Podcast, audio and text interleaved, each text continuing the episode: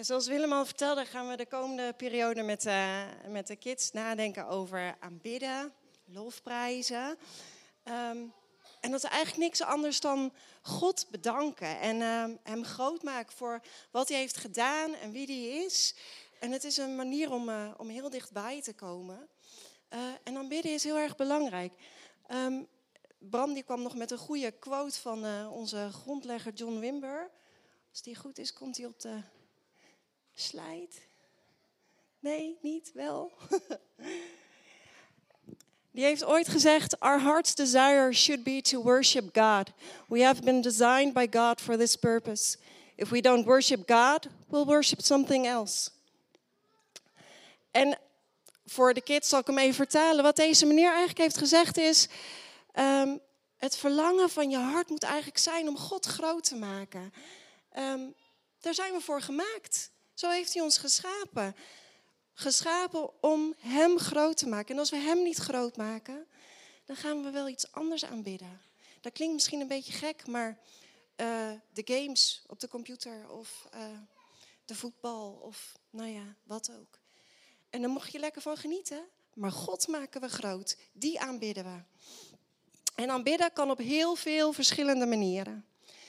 Weet je, als ik uh, buiten ben in de natuur, dan vind ik het altijd makkelijker om God te aanbidden. Als ik om me heen kijk en zie wat hij heeft gemaakt en geschapen, dan, dan vind ik het altijd makkelijker om te zeggen, oh Heer, wat, wat mooi. Wat kan ik hiervan genieten?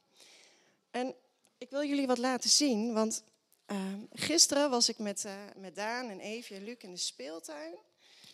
Daar hadden ze niet zo goed gemaaid, dus er was heel veel onkruid, of zo noemen ze dat dan. Wacht even hoor. Kijk, daar vond ik deze blaadjes. En daar kijk ik daarna en dan denk ik, wauw, moet je kijken. Moet je kijken hoe klein die bloempjes zijn. Pak hem maar. Moet je eens kijken hoe klein die zijn gemaakt. Wil je hem ook bekijken? Moet je maar eens kijken. Heel klein zijn ze. Ini mini.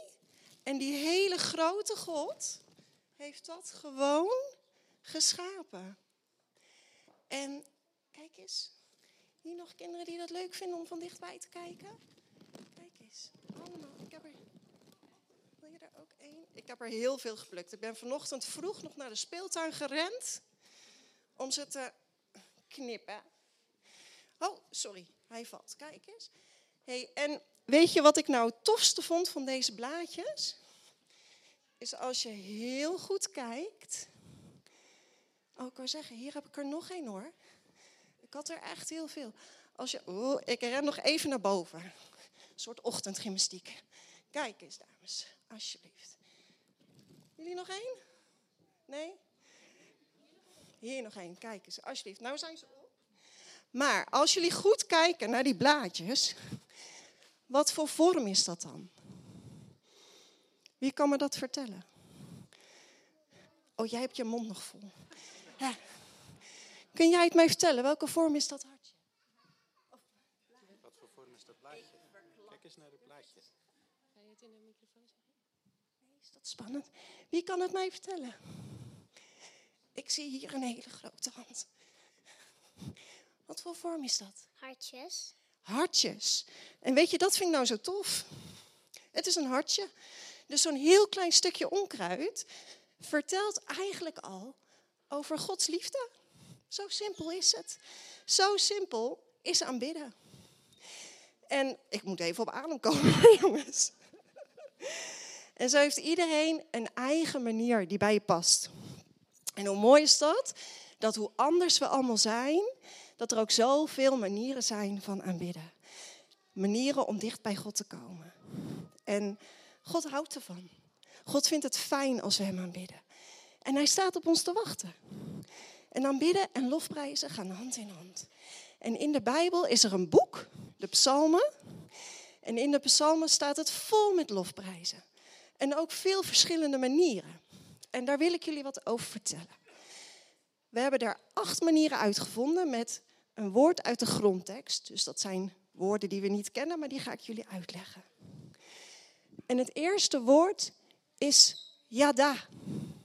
God heeft ons geschapen met ons hoofd, met ons hart En met onze handen, met ons lijf en met ons hele lichaam mogen we Hem groot maken. Dus je mag je handen opheffen naar God, verlangend naar Hem. Zoals staat in Psalm 141.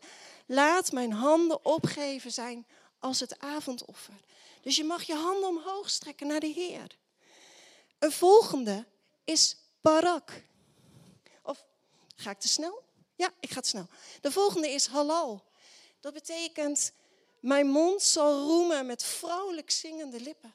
Het is feest. Niet stilletjes, maar uitbundig. Het is feest. De volgende is barak. Knielen voor God. In de psalmen staat heel vaak laten we knielen voor God die ons gemaakt heeft. Neerknielen, want God is zo groot en wij zijn zo klein. En zo mag je ook weer met je lijf laten zien.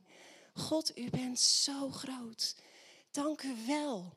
Dank u wel dat u ons kent. De volgende is de hila. Zingen.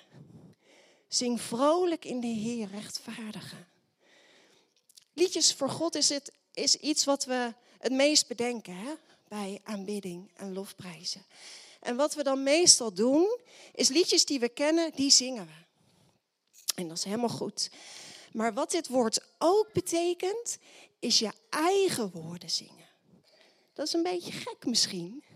Maar stel je voor dat we eens een keer zouden zingen in plaats van vertellen wat we van God vinden. God vindt dat echt heel fijn. De volgende is Zamar. In Psalm 150, daar staat eigenlijk een complete band beschreven. Tamboerijnen, luiten, harpen, uh, bazuinen. En die maken herrie. We hebben die hier een heleboel liggen. Die kunnen herrie maken. Daarmee kun je muziek maken. Het is eigenlijk gewoon een dikke vette worshipband. En we zouden nu uh, hebben over uh, een dikke baslijn. En ik weet niet, ik ben er niet zo in thuis. Maar muziek maken voor God. De volgende, dat is koon. Die hoort er ook bij. Dat betekent je verdrietige dingen bij God brengen. In Psalm 130, daar zegt David, Heer, ik ben wanhopig. En daarom roep ik u. David had het moeilijk. Hij had verdriet. Hij had pijn. En ook dat mogen wij in onze aanbidding bij God neerleggen. God wil ook dat horen. En als je verdriet hebt, je tranen, ze zijn kostbaar voor God. Hij wil ze graag zien en hij wil je troosten. De volgende is Shabbat. Dat komt heel vaak daarna. Het juichen. Wie juicht er wel eens als uh, er een doelpunt is gescoord? Precies, heel hard toch? Precies. Of bij een concert. Of uh, wij waren vorige week bij Freek Fonk Show. Nou, die kwam op, er was een geluid, een gejuich. Hoe tof is het als we zo zouden juichen voor de Heer, jongens? Want dat is wat hij heel erg fijn vindt. Dat we juichen. En dat, in de kerk doen we dat eigenlijk niet zo vaak. Het is een beetje onwennig, maar laat je horen. Want hij is het waard. En ik dacht, misschien kunnen we dat een keertje oefenen. Zijn we gelijk weer even wakker. Dus wie wilde met mij even kort, want ja, als we gaan juichen voor de Heer, dan komt er eigenlijk geen eind meer aan natuurlijk. Maar gewoon één keer heel kort. Een grote juich voor de Heer. Woe! Kijk, dat bedoel ik. Dus we kunnen het. Laten we dat ook eens een keer doen met elkaar. En de laatste die ik wil noemen is Tauda. Ga zijn poorten binnen met een lofoffer. Bedank hem. Er is zoveel om voor te bedanken. Er is zoveel genade. Bedank hem de hele dag door. En zo heb ik acht manieren van aanbidding genoemd. Er zijn er nog veel meer. Want zoveel mensen er zijn, zoveel verschillende manieren zijn er. En weet je, er zijn manieren die bekend voor je zijn, waar je vertrouwd mee bent.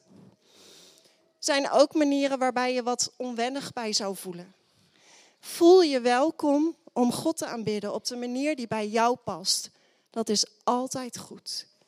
Hey, en wil je wel eens een keer een andere manier uitproberen? Dan hoop ik echt dat jullie je hier binnen deze kuil veilig genoeg voelen om dat eens uit te proberen.